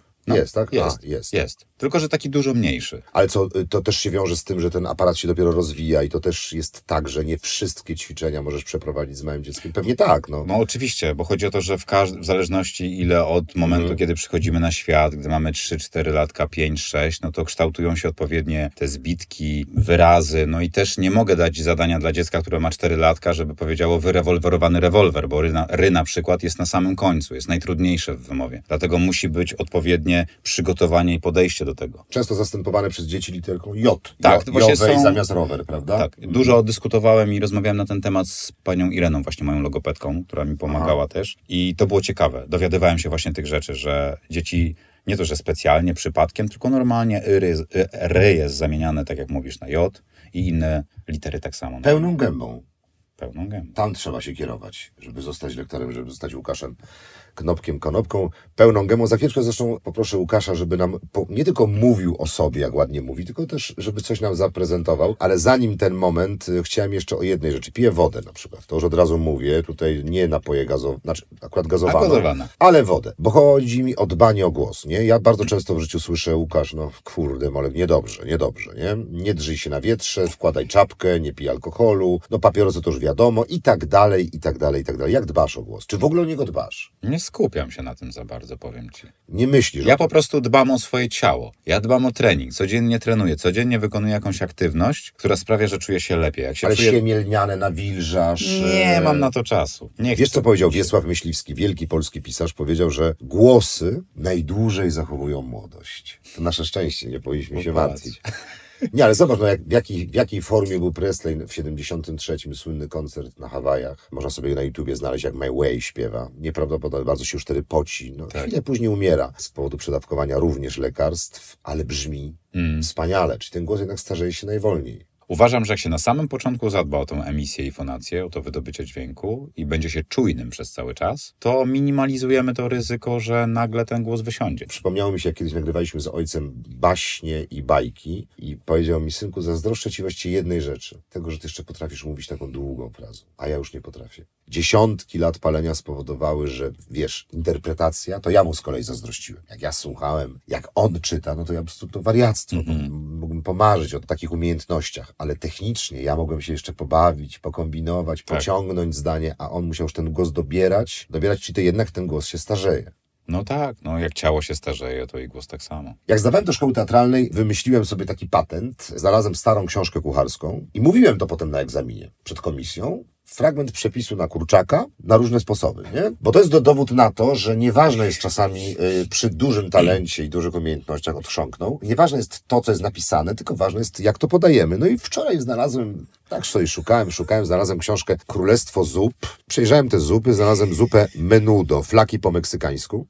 Nawet proszę tutaj, żebyś nie czytał opisu, ale tutaj jest coś taki fragment jak przygotowanie. No, oczywiście tekst brzmi, ja to nieudolnie zrobię przed mistrzem. Cebulę upiec w całości w piekarniku, w garnku z grubym dnem, rozgrzać smalec, no takie pierdółki. E, pozwolisz, Łuki, uważaj na mikrofonik, bo tam sobie ten Tak. wpiąłeś do stoliczka. A ja ci będę tylko wrzucał kolejne tematy. Intonacje. Into- nie, nie, nawet Nie. intonację. Kolejną taką przestrzeń interpretacyjną, w której chciałbym, Czy jesteś, jesteś moim klientem, który mi tutaj każe przeczytać Tak. ten, ten i dobra. Tak, ja jestem, ja jestem e, znanym kucharzem, który robi zupę menudo. To jest twoja autorska zupa. moja autorska zupa i chciałbym, żebyś przeczytał reklamę zupy menudo i chcę sprawdzić, czy potrafisz mnie zaskoczyć. Dobrze. I teraz posłuchajcie, bo tak naprawdę oczywiście robimy sobie jaja, natomiast chodzi o to, żeby zobaczyć, jak umiejętne operowanie głosem może zmienić w ogóle odbiór tekstu, który jest kompletnie w innym kontekście napisany. No zacznij może tak klasycznie, proszę, pierwsze dwa, trzy zdanka. Przygotowanie. Cebulę upiec w całości w piekarniku. W garnku z grubym dnem rozgrzać smalec. Nóżki wieprzowe obsmażyć na niewielkiej ilości tłuszczu. Zalać obsmażone nóżki dwoma litrami wody lub bulionu. Film sensacyjny. Dodać przyprawy. Upieczoną cebulę, czosnek, oregano, majranek, liść laurowy, wędzoną paprykę, płatki chili, kminek i gotować około 2-3 godzin lub do miękkości. Romantycznie. Szumowiny usunąć. Ugotowane nóżki wyjąć, wywar przecedzić, kości oczyścić z mięsa, mięso posiekać i dodać do wywaru. Horror. Dodać blanszowane flaki oraz pokrojoną papryczkę. Posolić i ugotować przez 30 minut lub do chwili, gdy flaki będą miękkie. Na koniec dodać odcedzoną kukurydzę i czerwoną fasolę. Netflix. Rozlać do talerzy, podawać z posiekaną natką kolendry, szczypiorkiem, cząstką I limonki poczta głosowa na koniec. do wyciśnięcia i pokruszonymi naczosami. Ale widzisz, jak idealnie, jak idealnie wyszło szumowiny. Szumowiny, Szumowiny na romantyczności, nie? Jak przepięknie przeszedłeś szumowiny. No bo też Czad. w różny sposób możemy to określać. Wspaniałe. Bardzo dobre ćwiczenie w ogóle na Tak. interpretację, żeby sobie utrudniać tekstem. Tak. Łatwo jest czytać romantyczny tekst romantycznie, a dokładnie w opozycji do tego, co jest napisane. Bo samo to, że ja muszę wiedzieć, co to znaczy dla mnie właśnie romantycznie, co to znaczy sensacyjnie. Pokazałeś właśnie, czym jest dla ciebie romantyzm. Tak, Jak małżonka będzie chciała posłuchać, to dowie się, czy ma romantycznego męża. Męża. Męża, męża, męża. Nie konkubenta, męża. Gdzie? męża. Nie no, nie, pytam, pytam, pytam. No dobrze, no to słuchaj, e, to idziemy dalej. Ja jestem nieprzygotowany, nie jestem rozgrzany. My, lektorzy, my, aktorzy, mamy takie swoje dykteryjki ulubione. To już był re- rozrewolwerowany rewolwerowiec, w czasie suszy szedł Sasza Szosą Suchą i tak dalej, i tak dalej. To nic, że ze Swoszowic i... A kiedyś chyba z Tomkiem Knapikiem czy z kimś robiłeś Bitwę na łamańce. bitwę taką, na łamańce. No, tak. Twój najtrudniejszy łamaniec. To chyba nawet ten właśnie z Tomkiem. Wyindywidualizowaliśmy się z rozentuzjazmowanego tłumu, który entuzjastycznie oklaskiwał przeliteraturalizowaną i przekarykaturyzowaną sztukę. Czyściutko. No nawet tak. Ładnie, bo ja jestem nierozgrzany, bo mój ckliwy prestidigitator to regalo verdadero do knajpki mknie po buteleczkę spirytusiku naj, najwy- najwydystylowaniejszego dla reżysera Laubzegi, który wyreżyserował przeintelektualizowane i przeliteraturalizowane, i przeliteraturalizowane dzieło pod tytułem Sykara Malapakawana Pix. Wow. Nie, ale ja to naprawdę robiłem perfekcyjnie, tylko takie coś... Trudne. Strasznie, to witkacy. Ale to musisz, wiesz, to jest długie, więc... No. I po tym, po tej dykteryjce poznaję, mijający No. czas potrafiłem ją zrobić dwa razy na jednym oddechu, Okej. a teraz ledwo robię ją raz. A myślę, że jakbyś potrenował. tak, to... kwestia treningu. Ale się, no nie, chyba wytnę. chyba wytnę, na szczęście nie jesteśmy na żywo. Dobra, czy jest jakiś głos, którym chciałbyś mówić? Szczerze. Piotr Borowiec, Maciej Gudowski, A zagraniczny? Morgan Freeman. Jeszcze oczywiście świętej pamięci Don LaFontaine. No to tamten to... E, Polecamy Pięciu mężczyzn w limuzynie. Jest film na YouTubie Five Men's in the Limo i wsiadają tam najbardziej znani lektorzy do limuzyn. Nie widziałeś tego? Nie. Ojej, jak tylko skończymy, to to ci puszczę. zobaczyć. No to musisz, to jest i tam Dan LaFontaine, Terminator. To jest ten pan Super. i tam się jeszcze pojawia paru, paru gości, no nieprawdopodobnych. Lektorski idol, Maciej Gudowski. Jeżeli chodzi o szeptanki. jeżeli chodzi o szeptanie. Piotr Borowiec. Nad reklamami się nie zastanawiałem. Jarosław Łukomski? Uwielbiam. No, I Jarek tak. Łukomski, z którym Jarek. kiedyś pracowałem, ma jeszcze perfekcyjny angielski. Dokładnie. I jak szukasz czasami, ja często też spotykam się z klientami, którzy pytają, czy po angielsku. Ja mówię, drodzy Państwo, no mówię po angielsku, ale, ale to słychać, że to No właśnie, to samo. Jeśli chcecie mieć lektora angielskiego czy amerykańskiego, chyba Jarek po amerykańsku, Tak. to zawsze polecam Jarka. Mhm. Robi to perfekcyjnie. Piotr Franczewski też, nie? To jest, Mhm. to jest O, no też głos właśnie, niebywały, Piotr prawda? Wielki głos. Teraz y, byliśmy w kinie na Akademii pana Kleksa. Jak Mhm. on tam sobie przy tym fortepianie coś tam mówi. Ha. Poezja. Czy znasz jakiś głos, taki robię teraz test na tobie, nie wiem, tak, kolejne pytanie, taki głos, o którym można by powiedzieć, że to już nie jest głos, a to jest instrument? Dla mnie takim głosem jest Liza Gerard, nie wiem, czy kojarzysz z zespołu Dead Can Dance. Ona robiła wszystkie wokalizy w Gladiatorze, Informator, Helikopter w ogniu. Pewnie e, jakbyś puścił to- Nieprawdopodobny, niski głos w takich w totalnych rejestrach i on już moim zdaniem przestaje być głosem, a staje się instrumentem. Okej. No to dla mnie Don LaFontaine ze Stanów. To już nie jest głos, to jest coś więcej. To już jest, tak, no to już jest Okej. po prostu, no to brzmi, w ogóle zapomina się, że to jest człowiek, moim zdaniem. Jak, jak słucham na przykład Dona LaFontaine z tych To reklam. prawda, to prawda. Morgan Freeman, no to jest niesamowite, w jaki sposób on operuje. To zostawmy to. Y, Liza Gerard to taki tip Tak. dla ciebie i dla was. Czym w ogóle jest głos? Co to w ogóle jest? Bardzo ładnie to kiedyś y, o głosie w ogóle opowiedziałeś w swoim, y, na swoim kanale. Mm. Jak on się wydobywa? To, jest, to są te struny głosowe, tak? No dźwięk przede wszystkim Powietrze. No powiedz. Dźwięk to jest, tak jak się uczyłem zawsze, dźwięk to są drgające cząsteczki powietrza rozchodzące się w postaci fal dźwiękowych. I my te fale możemy tworzyć silniejsze lub słabsze. Czy jest powietrze i my poprzez... Poprzez to, że ono jest pod odpowiednim ciśnieniem tłoczone przez nasze organy, no to zaczynają nasze tr- struny drgać. I w zależności w jaki sposób my będziemy intonować, no będziemy mówili niżej, wyżej. Ale od tego mamy też przestrzenie Jak rezonansowe. organy. Organy To jest- nasze drgać jak organy No tak, kościelne. tak. Ja uważam, że głos jest jak instrument. To jest żywy instrument. Tak samo jak masz gitarę i ma pudło rezonansowe, tak my mamy tych pudeł. Mamy klatkę piersiową. Mamy nasadę, czyli jamę ustną, nosową, gardłową. Jeżeli ja ciekawie i świadomie potrafię rozprowadzić ten dźwięk po moim ciele, to ja nie mówię tylko cały czas nisko, tylko przez to właśnie ja się bawię. Jak potrzebuję, tak jak czytałem fragment, mogę powiedzieć coś wyżej, za chwilę mogę niżej, półszeptem. I im więcej takich prób, im więcej ćwiczeń, tym łatwiej mi jest A wydobyć. wiesz, że niskie dźwięki się bierze z góry, a wysokie z dołu zazwyczaj? O, Nie wiedziałeś o tym, to też nas uczyli w szkole. Tak, Aha. że jak masz, a, to szukasz tutaj, w, w okolicach czoła. A, a, a jak mówisz wysoko, to właśnie... A, a faktycznie, no. Dokładnie jest odwrotnie. Pominęliśmy kwestię stresu, wspomnieliśmy o wystąpieniach publicznych, a myślę, że to może być bardzo interesujące dla, dla naszych słuchaczy. To znowu Myśliwski, ja to mój ulubiony pisarz, powiedział, że głos to sejsmograf wewnętrzny człowieka. Mhm. Piękne zdanie, nie? Z No. tej smogra wewnętrznym człowieka. Rzeczywiście, że po tym głosie rozederganym, spokojnym, opanowanym możesz bardzo wiele powiedzieć o stanie emocjonalnym danej osoby. Jeśli pojawia się ten stres, pojawia się to napięcie przed spotkaniem, przed ważną rozmową, przed występem, przed prelekcją, czy są jakieś techniki, głównie oddechowe, ale może jakieś inne, gdzie możemy spróbować oszukać tych ludzi i udać, że, ten, że jednak panujemy nad emocjami? Ja pomagam sobie tym, że dbam o podstawowe aspekty, czyli jeżeli dzisiaj mam dwa wywiady, to ja wczoraj grzecznie 22 w łóżku. Tu żartujesz, jak Lewandowski przed meczem. Dokładnie. Bo wiem, że muszę się wyspać, muszę być zregenerowany, ale dzięki temu wstałem o 5, o 6 byłem już na rowerze i zrobiłem 15 km na trenażerze i dzięki temu o 7.30 już byłem wykąpany po lodowatym prysznicu, gotowy do wywiadu na 8. To mi daje takie już wstępne przygotowanie. Kolejna rzecz. Przed wywiadem zaczynam się stresować. Odczuwam identyczny stres, jakbym miał za chwilę zawody i bitwę Jak taneczną. przed czytaniem w kościele. Prawie. Dobra. I co robię? Robię bardzo fajną metodę, czyli wyobrażam sobie niewidzialną ścianę, którą mam przed sobą, zaciskam z całej siły swoje ciało i próbuję ją przepchnąć. I jak ja przepycham to... Oddychając? Nie.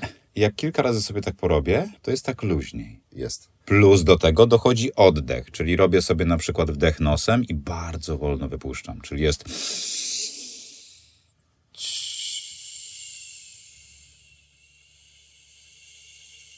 I skupiam się na oddechu. Ca może trwać 30 sekund, 40. Jesteś tu i teraz, skupiasz się Tak, na tym, tak, tak? dokładnie. Bo wtedy już nie myślę o tym, o Boże, a jak mnie zapytają o to, nie będę wiedział. Ja się skupiam na oddechu, ja się skupiam na swoim ciele. Po to wchodzę w ciało, po to jestem tu i teraz i dzięki temu jest mi później łatwiej. I mimo tego, że ja się stresuję, tak jak dzisiaj też to mówiłem o 8 rano, Mhm. to, to śmiali się, że a, że w ogóle tego nie widać i tak dalej. No bo faktycznie tego nie widać, bo pracuję nad tym, ale w głębi ja czuję, odczuwam stres. I samo przyzwolenie sobie tego stresu daje mi to, że on się obniża. I, Okej. to, nie, I to znowu, to nie jest rocket science, to trzeba po prostu Ale oczywiście poczuć. podstawą jest oddech, bo ja do tego zmierzałem. Oczywiście, wydaje że mi się, tak. że Oddech, jak kontrola oddechu, w ogóle tego, że my na kolejnych etapach ewolucji kompletnie przestaliśmy świadomie oddychać. A to jest podstawa nie tylko To jest głosu, paliwo, ogóle paliwo naszego zdrowia, głosu. wszystkiego, nie? I zapanowanie nad oddechem powoduje, że nawet jeżeli ten stres pozostanie w nas, to nie będzie tak bardzo I teraz widoczny.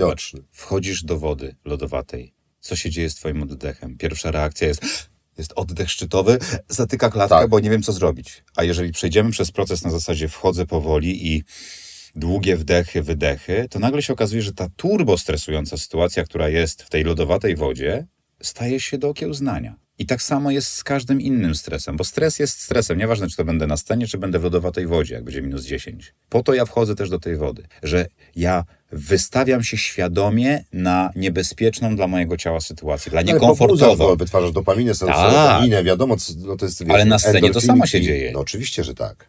Tam, tylko tam dają ci to widzowie, tak? To bo prawda. masz ten stres, wszystko się dzieje z twoim organizmem przed wejściem, już nie będę opowiadał szczegółów, No, ale myślisz no. sobie, o rany boskie, nie wiem, czy zdążę do toalety, wchodzisz, mija pół minuty i nagle zupełnie się wszystko zmienia, nie? Pod warunkiem, że się No przygotowałem. nie, no mówimy o tym, że No tak. wiesz, co masz powiedzieć, że znasz tekst na pamięć, jak w moim wypadku i tak dalej. Dokładnie. Jutro gram na przykład sztukę, gdzie gram y, w Pile jutro gram, y, mm, wiesz, dwugodzinne przedstawienie, w którym właśnie nie schodzę ze sceny. Aha. I są tam jeszcze momenty, to jest nowa sztuka, że jeszcze nie mam ogranych niektórych e, sytuacji i to powoduje we mnie duży stres, ale w momencie, kiedy widownia zareaguje, zareaguje na dwa żarty, zareaguje na dwa teksty, zobaczy, że są ze mną, No, pchają, ale ty masz takie doświadczenie, że wszystko to jest schodzi. moment. ale to, co pięknie powiedział Janusz Gajos, niezależnie od doświadczenia, zawsze, i to jest piękne, przed wejściem pierwszym stres jest. No jest. Czy masz 50 lat, 70, 30, 1000 czy 10 tysięcy przedstawień na, na koncie. Jak ten stres przestajesz odczuwać, to najlepiej już powolutku I to, zmieniać zawód. tak, i to samo, to samo nauczyciel Agnieszki od e, tańca i to kiedyś powtarzał, że jeżeli będzie odczuwała, nie będzie odczuwała tego stresu przed zawodami, to już no niedobrze świadczy. No dobra. Tak robi Jarosław Kaczyński. On tak mlaska. Mm. Czy tego się można oduczyć? Uważam, że tak. A miałeś jakiegoś polityka na kursie? Bez nazwisk? Nie, A, nie miałeś, nie miałeś. A jak oni mówią, dobrze? nie wiem, nie słucham ich. Nigdy nie słuchałeś? Nie? No jakoś tak omijam to szerokie. A jak takiego mlaskania? Może, może pan Jarosław nas słucha? Okej, dobrze. Czujność. Prosimy Czuj- o czujność. Prosimy o czujność podczas mlaskania. Tak samo jak z y.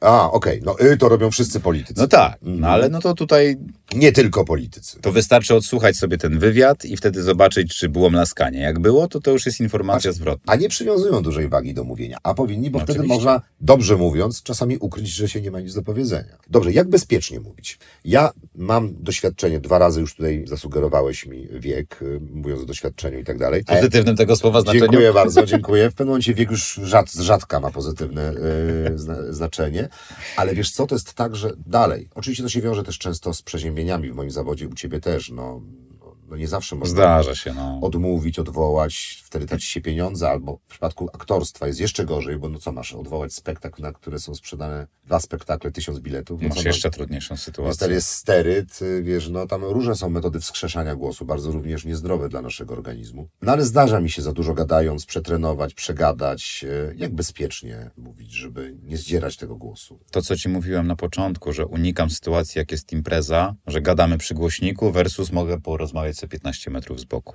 To Okej. takie sytuacje i świadomość tego, że czuję, że mówię mocniej, czy, czy czuję, że muszę docisnąć ten głos, żeby ktoś mnie usłyszał, to jeżeli ja tak pogadam godzinę, to ja wiem, że następnego dnia będę miał problem, będę odchrząkiwał. Nie będzie ten aparat taki, jak mógłby być. To jest pierwsza rzecz. Czytasz gry komputerowe?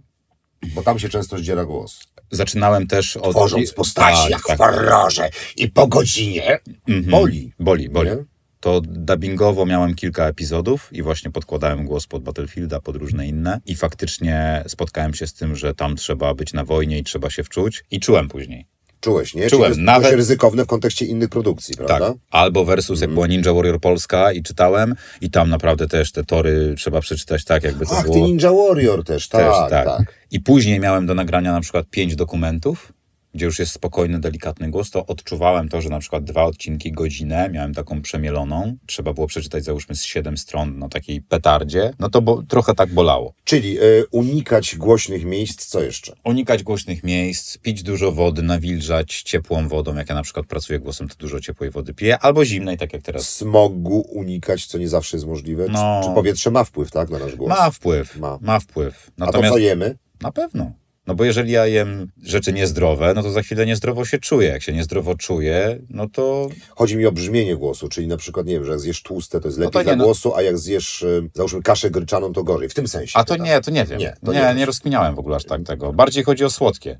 Jeżeli właśnie a propos tego O, mlaskania. no ciekawe, Może pan Jarosław dużo cukierków je przed. bo słodkie powoduje, że Bo się słodkie, tak? że ciumka, że tak samo kawa za, za, Klei. Klei, dokładnie. O, no to ciekawa uwaga. Tak. Czyli unikamy słodyczy Unikamy przed słodyczy. wystąpieniem publicznym. Herbata raczej gorzka, a nie słodka. No właśnie gorzka herbata też wysusza. e, Herbata wysusza. I tak samo jedzenie przed występem też nie jest wskazane, no bo zamiast się skupić na byciu tu i teraz i powiedzeniu konkretów, Mhm. no to nasz organizm trawi. Więc jak ja się najem, no to później jest problem, bo Wiadomo, znamy to. Znamy to. No czasami jest to nie do uniknięcia, czyli staramy się raczej na pusty żołądek. tak, no może nawet tak W jak ja dzisiaj na przykład, dwa gryzy kanapki przed wystąpieniem. A ja nie jadłem. Wiesz, A ty to- nie jadłeś? A, Bo ja widzisz. kawkę, bo, bo ja nadczo też, ale ja kawkę z masłem piję do tego, ona tak natłuszcza i Okej. wtedy... A, czyli nawilżamy kawka z masłem. Nie chciał powiedzieć, a powiedział. Czy postawa, to jak siedzimy, jak się poruszamy, wspominałeś już o w zdrowym ciele, zdrowy duch i tak dalej, ale czy ma znaczenie?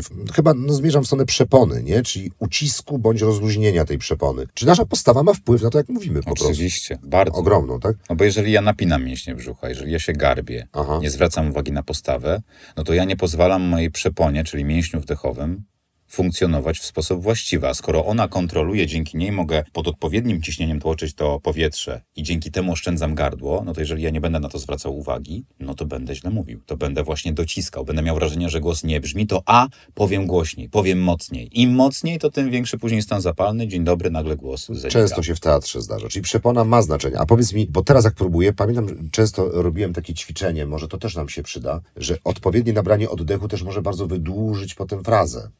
Tak, tak. Że, żeby świadomie też wypełnić ten brzuszek, tą przeponę powietrzem i wtedy nagle się okazuje, że możemy mówić, mówić, mówić, mówić i nie dobierać oddechu. To plus podparcie oddechowe. Na czym polega podparcie? Podparcie oddechowe to jest świadome właśnie to wydłużanie wydechu, połączone z najwolniej przesuwającym się tym ruchem przepony. Ale to chodzi o to, że tu mamy tak wypełniać te żebra? Tak, no bo oddech całościowy z tego się składa, że ci się wypełnia na wyobraźnię zawsze tak się można można Znaczy my teraz cały czas tutaj pracujemy, tego nie widać, tak, kochani, ale cały ale czas. możemy sobie wyobrazić, że to powietrze spada do brzucha, do żeber, do pleców tutaj Mhm. I później, jak ja nabieram wdech, to żebra zostają w pozycji wdechowej, ale ja wypuszczam powietrze i kontroluję to mięśniami żeber brzucha delikatnie. I dzięki temu ja właśnie mam to podparcie, czyli ja będę mówił, mówił, mówił, mówił, nie zabraknie mi powietrza. Wolniej umyka powietrze. Tak.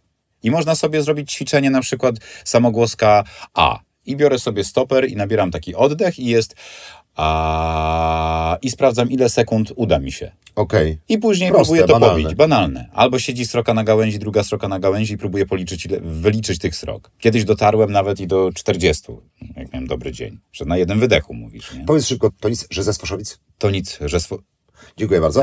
Dobra, lecimy dalej. Najważniejsze a propos postawy. Jeżeli mamy opcję pod tytułem rozmowa z klientem, wystąpienie i do wyboru krzesło albo pozycja stojąca, to lepiej stać. Lepiej, żeby było ciało aktywne, bo jak ciało aktywne, to głos aktywny. Jeżeli ja siedzę, to ja się rozleniwiam. Zawsze lubię siedzieć. To, a, a oni pytają, czy usiąść, czy chce pan stać, czy siedzieć? No. Ja wolę siedzieć. Ale masz rację, pozycja jest lepsza, zdecydowanie stojąca. I tak samo jak na przykład czytam filmy, to tutaj tego akurat nie zrobię, bo nie mamy miejsca, ale wychodzę na skraj krzesła. Jak już siedzę, to dbam o to, żeby nie było tego, że sobie jeszcze opuszczę to krzesło i czytam, wiesz, Netflix serial, że jestem rozleniwiony, tylko jestem na skraju krzesła. Dzięki temu mam lepsze uziemienie i bardziej kontroluję swoją postawę. Teraz będzie kontrowersja. Twierdzisz, że czytanie filmów jest trudniejsze niż lektorstwo reklamowe.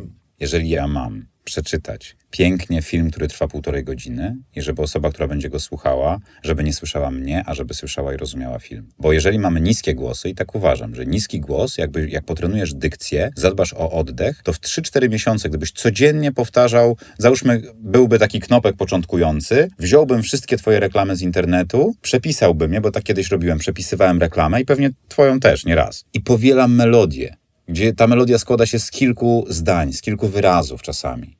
Jest dużo łatwiej mi osiągnąć tą melodię, mając niski głos, niż mam niski głos i mam półtorej godziny czytać dokument. Dlatego uważam, że jest to pracochłonne, bo ja po sobie, po trzech miesiącach, załóżmy, dostałem się do Radia Kolor i mogłem już czytać, bo się przyłożyłem, a po trzech latach dopiero Rafał Świętej Pamięci stwierdził, że no w sumie nadaje się do, do, do czytania tych dokumentów. I to nadal było jeszcze takie na granicy, bo jeszcze dochodzi do tego stres, dochodzi do tego jeszcze właśnie mlaski. W reklamie można to wyciąć, bo reklama trwa 8-10 sekund, 30. A jeżeli ja mam dokument 50 minut i co drugie zdanie miałbym ze stresu, no to później realizator ma dużo więcej pracy. Nie no, takie mlaski zawsze się wycina. Ja w naszej rozmowie też wytnę.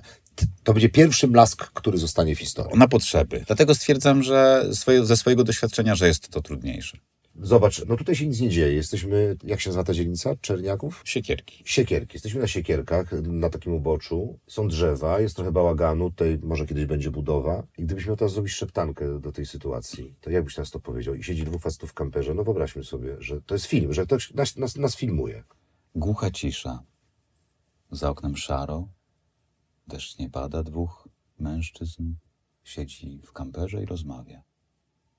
Osoby przechodzą z boku i obserwują, co się dzieje. Hi, Cześć. how are you? Co słychać? I love you. Kocham cię. You're bad guy. Jesteś złym facetem. Jezus! To naprawdę się wydarzyło. Pięknie. Pytanie, które też, e, na które odpowiadałeś, ale ja jestem niezadowolony z twoich odpowiedzi. Powiedziałeś, że nie wciągają cię filmy, które czytasz, a ja no nie mogę w to uwierzyć. Jak to? Ja tak nie powiedziałem. Nie powiedziałeś tak? Nie. Dobra, no to może powiedziała tak Krystyna Czubówna. Ale co, ale to jest tak, że potrafisz na przykład wypaść w ogóle kompletnie y, z roboty i po prostu tak się wciągnąć w historię, że trzeba, no, no, trzeba, trzeba cofnąć y, timecode i, mhm. raz. Tak, czasami miałem takie sytuacje. Robisz to dla pieniędzy, to jest twoja praca. Ale są pewnie dokumenty, są pewnie reklamy, filmy, które ci no, po prostu no, robisz, bo, zarabiasz. Ale są pewnie też i takie, które naprawdę cię Oczywiście, kręcą. tak. Jaka tematyka? Sport, filmy motywacyjne, druga wojna światowa. Czyli jeżeli będę oglądał dokument z twoim głosem o II wojnie światowej, to mam gwarancję, że wiesz, co czytasz? Ja- jesteś w historii? Ja za każdym razem wiem, co czytam. To był żart. Ale w No. tym sensie, że jesteś naprawdę też w historii, nie? Że razem ze mną, przeżywam razem ją. ze mną przeżywasz. Yy, Na przykład była, czytałem o bohaterach y, wojennych, o takich różnych szpiegach, druga wojna światowa, Polacy i to, w jaki sposób oni działali. No to czasami miałem sytuacje, w których no aż gula staje o gardle, przysłowiowa. Złość cię ogarnia. Nie, nie, że po prostu wzruszenie. A, w tym sensie. Albo podziw. Jak czytałem Michaela Jordana The Last Dance, no coś niesamowitego. I czasami właśnie a propos zatrzymywania, przeczytałem coś i nagle patrzę w ekran i leci tekst i nagle kumpel stary, czemu nie czytasz? Mówię, o sorry, nie? Bo się wkręciłem. Bo tak mnie zaintrygowało to. Muzyka, sposób wypowiedzi. Jestem wrażliwym gościem i wykorzystuję to też właśnie a propos intonacji, ale też czasami czuję, że niektóre filmy mnie na tyle wzruszają, że czuję różnicę w swoim głosie. Nie da się chyba wykonywać tego zawodu dobrze bez wrażliwości, tak sobie myślę. Mhm. To jest właśnie ta tajemnica, o której powiedziałeś, to szeptanie, to mówienie, tak, że jesteś, ale jednak cię nie ma. Tak. Że nikt nie pamięta twojego głosu, ale dobrze mu się oglądało. Bez wrażliwości chyba nieosiągalne, tak mi się wydaje. No to, co mówiłeś, że no oczywiście robię to też dla kasy, no bo jest z tego Oczywiste. dobry pieniądz, tylko zaczynałem to z myślą taką, że dobrze, jak dojdę do poziomu takiego zawodowego lektora, to będę z tego fajnie zarabiał, ale żeby dojść do tego, to ja muszę włożyć w to serce. I ja nie wyobrażam sobie nie wkładać w coś serca. No bo to wtedy jest takie no beznamiętne, miałkie, no. Więc uważam, takie mam podejście, jak już coś Fajnie jest robię. kochać to, co się robi. No dokładnie, no tak jak Tak jak co? tak jak tańczyłem i przykładałem się i wkładałem w to, to tak serce i zostałem tym zawodowym tancerzem, to tak stwierdziłem, że zrobię to samo z lektorstwem. Podaj tytuły, proszę, jakbym chciał na Netflixie dzisiaj wieczorem sobie coś zapodać z małżonką i chciałbym posłuchać twojego głosu. Możesz przecież o tym mówić. Tak. To który serial robisz w tej chwili?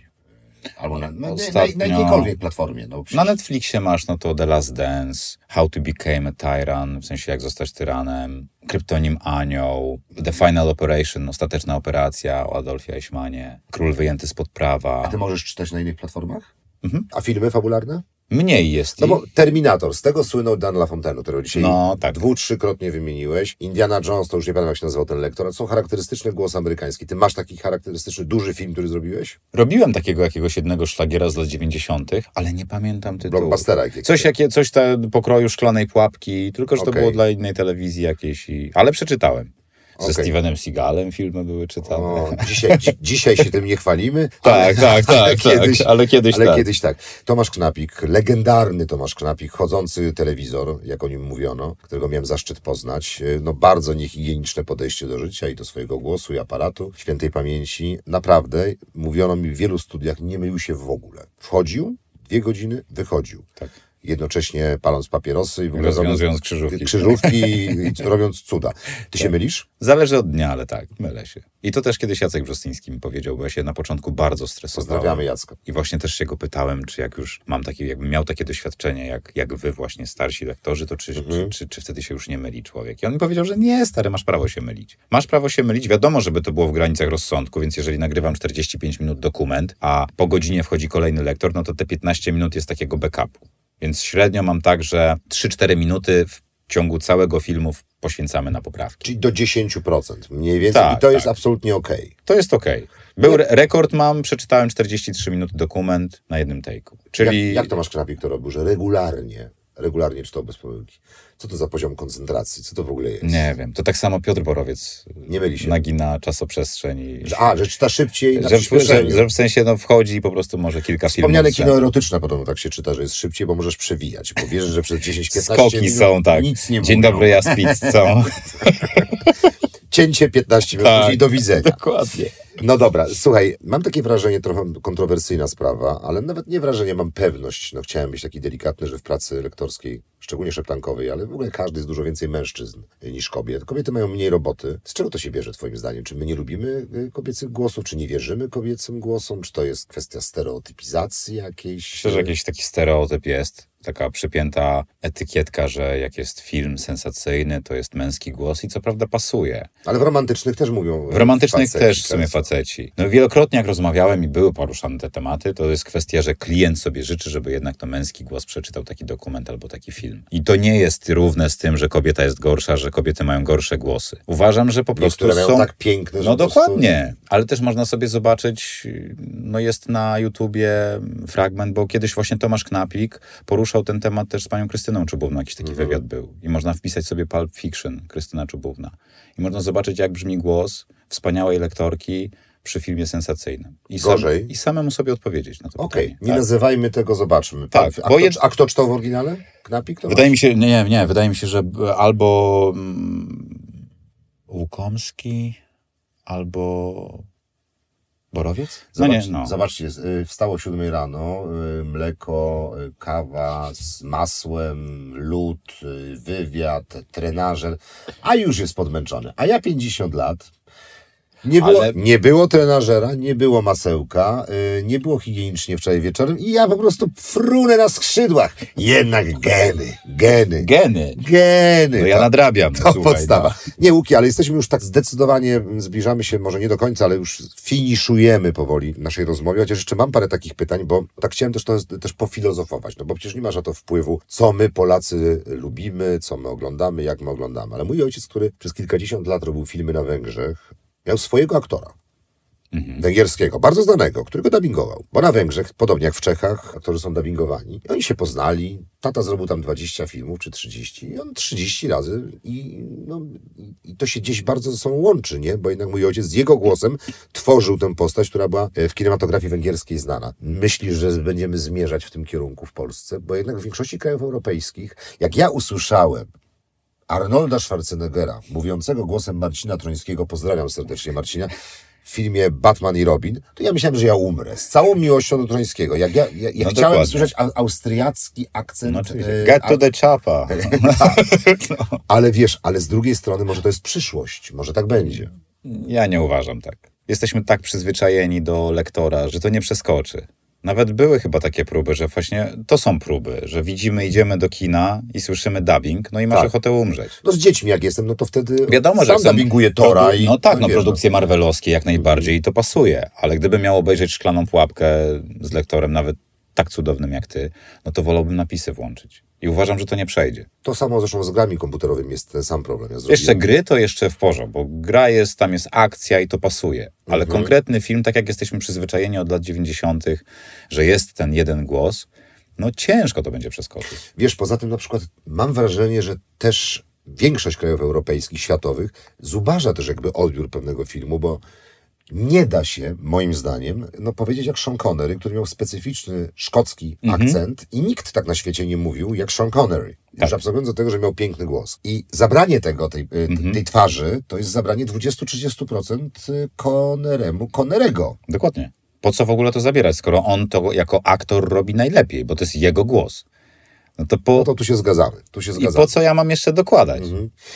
Często mówisz o swoich sukcesach, mówisz o swojej pracy. W środowisku lektorskim jest tak, że my się boimy mówić, nie? Bo boimy się, że ktoś będzie wiedział, co czytamy, co robimy, że może nas nie rozpoznali, że czasami się może pojawić szansa przeczytania konkurencyjnych projektów. Różnie to bywa, prawda? Mało tego, może się pojawić też taka sytuacja, że ktoś powie, nie, ten knopek za dużo czyta. To ja go nie chcę do tej kampanii. Hipotetycznie. Może tak Skąd u ciebie ta odwaga, ten brak strachu? Yy, bardzo często, bardzo często mówisz, nazywasz dokładnie to, co robisz, wymieniasz klientów, produkty, pokazujesz filmiki z nagrań. Wzięło mi się to po prostu z tego, że z- Tak mnie wychowano. tak, tak się wychowałem. Dokładnie. Tej odpowiedzi Nie, się nie. bałem. Nie wiem, powiem ci. Ja po prostu tak mam. Nie, nie, nie wstydzę się tego. Oczywiście To nie jest kwestia wstydu, tylko może nawet koniunkturalizmu troszkę. To nie jest tak, że zwróć uwagę, że ja to robię też w sposób umiejętny, uważam, po latach, bo żaden klient nie przyszedł do mnie i nie powiedział mi, Łukasz, usuń ten materiał. Bo jeżeli ja coś nagrywam, jeżeli ja coś robię, to robię to już dawno po fakcie, czyli ja informuję kogoś, Okej. że to się wydarzyło. Nigdy nie wrzuciłem ekranu, który jest zablurowany, zakrzyżykowany, nie nagrywaj, bo to wtedy by wiadomo było też, że no, Jasne. tajemnica, więc takich rzeczy nie robię. Więc do tej pory, jak stosowałem to, albo jak jest po prostu szefowa w studiu, to się pytam, słuchaj, czy mogę ewentualnie nagrać to? Możesz, nie, nie możesz. Okej, temat z głowy. I, I nie widzę w tym problemu. Owszem, no, jak mam Eurosport, mam Eskerok, mam lojalki, nie mogę nagrywać, załóżmy, Wiadomo. No, wiadomo. no, bo Konkurencyjnych, konkurencyjnych Eleven rzeczy. Sport, no wiadomo. Tak, tak. Ale to, to mi nie przeszkadza, żeby powiedzieć ci na przykład, że robiłem też Ninja Warrior Polska. No to jest moja praca, to są moi klienci. No ale też nie boisz się mówić o reklamach, czy wrzucać właśnie wspomnianego filmu z Mediamarkt. Czyli, czyli jakby uważasz, że nie grozi ci y, wizerunek i łatka z przesadnie eksploatowanego głosu. Zbyt przesadnie. Wyeksploatowanego, o może tak. Jakby, było, jakby był zbyt wyeksploatowany, no to wiadomo, że czytałbym wszędzie, ale przez to, o czym rozmawialiśmy, mam wyższe stawki. Rozmawialiśmy o tym przed nagraniem. Przed nag- Łukasz ma wysokie stawki lektorskie. Tak, i ja doszedłem do tego swoją ciężką pracą i tak sobie założyłem. Prowadzę spółkę, mam swoją firmę i ja zarządzam tym, więc ja decyduję o tym, ile chcę zarabiać. Świadomie. Zadaję sobie pytanie, Łukasz, Znaczy, do pewnego ile... momentu. Znaczy, No właśnie- Życzę ci, żeby tak było całe życie, ale uwierz mi, że bywa tak, że nie zawsze decydujemy o tym, ile chcemy zarabiać. Czasem chcielibyśmy więcej. Tak, no ja nie mówię, udaje. że każdy projekt jest w ogóle spełnieniem moich marzeń i tak jak sobie wytyczyłem, Mhm. to tak dostaję. Nie. No oczywiście, co klient to inaczej, ale oscyluję wokół tej swojej granicy. Jeżeli coś jest poniżej mojego minimum, to odmawiam. Czy masz tak, że czasami słyszysz lektora głos i myślisz sobie, wow, to jest level, to jest Marlon, to jest Marlon Brando lektorstwa. Tak. Ja mam pełną świadomość, że są lepsi lektorzy ode mnie. A powiedz, czy jest coś, czego byś nie przeczytał? Wiem, że odpowiadałeś na to pytanie, ale też byłem nieusatysfakcjonowany odpowiedzią. Już. Pornografia. Pornografia. Mnie proponowano polityczne rzeczy. Nie, absolutnie. I to Okej. zarówno jedna strona i druga. I kiedyś, przyznam szczerze, zaproponowano mi reklamę i nie wiem, dlaczego odmówiłem. Jakiś wyszedł ze mnie prymitywny kompleks. To było chyba coś na siusianie czy na, na hemoroidy. I tak sobie pomyślałem, nie, no nie będę czytał psi, psi, psi, psi. No nie będę tego Okej. czytał. Ale dzisiaj bym to przeczytał, bo uważam, że, że to żaden wstyd. Czyli pornografia, polityka. Pornografia. Polityka zdarzało mi się. Zdarzało ci się. E, jakieś produkty takie wstydliwe?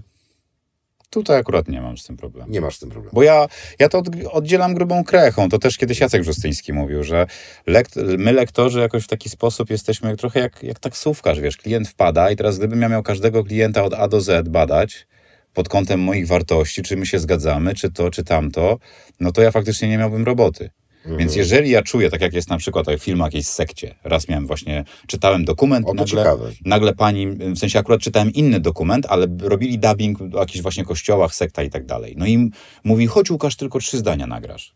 No i ja wchodzę do, do dziupli, a kumpel tylko mi szepcze, mówi, ty, ale dowiedz się, co to jest za dokument, nie? Ja mówię, a co to jest? A, sekta taka, taka. Patrzę na ten tekst, mówię, sorry, ale nie. Ale jak to, Łukasz, to tylko dwa, trzy zdania. Mówię, nie, nie chcę, mówię, nie utożsamiam się z tym. Dzięki. Okej. no I tyle. Dokładnie o to mi chodziło. No, No. i to jest, wiesz, to jest, to jest Tak. konkretna informacja. Jesteś osobą wierzącą. Jestem tak. Dwa, trzy razy już, e, no ja też, dwa, trzy razy już to gdzieś wyszło w naszej rozmowie i też wspominałeś o czytaniu w kościele, ale nie tak, jakbym chciał, żebyś wspomniał, bo, bo wiem, że, że pytany przez kogoś kiedyś o ten wielki stres, wymieniłeś ten kościół, to czytanie na żywo, Tak. bo to nie Bardziej jest... to- chodziło może nie to o nie jest kościół, to samo co ale... mikrofonik, nie? No I tak. studyjko. I tam się ten głos łamał, czy potrafiłeś zastosować metody knopka? On się nie tyle co łamał, co ja się bardzo stresowałem, że nogi mi latały. Dobrze, że jest, No jest, jest. jesteś zasłonięty, bo tam nie potrafiłem czasami opanować. Ale dykcja może wtedy umknąć, wersji, Może, wersji tak, może tak, umknąć. oczywiście. Mimo tego, że naczytywałem wcześniej, to i tak czułem taki stres, że czasami zatykało. Już od momentu, że wiedziałem, że za chwilę wszyscy siadają i ja wychodzę. No to A co to było?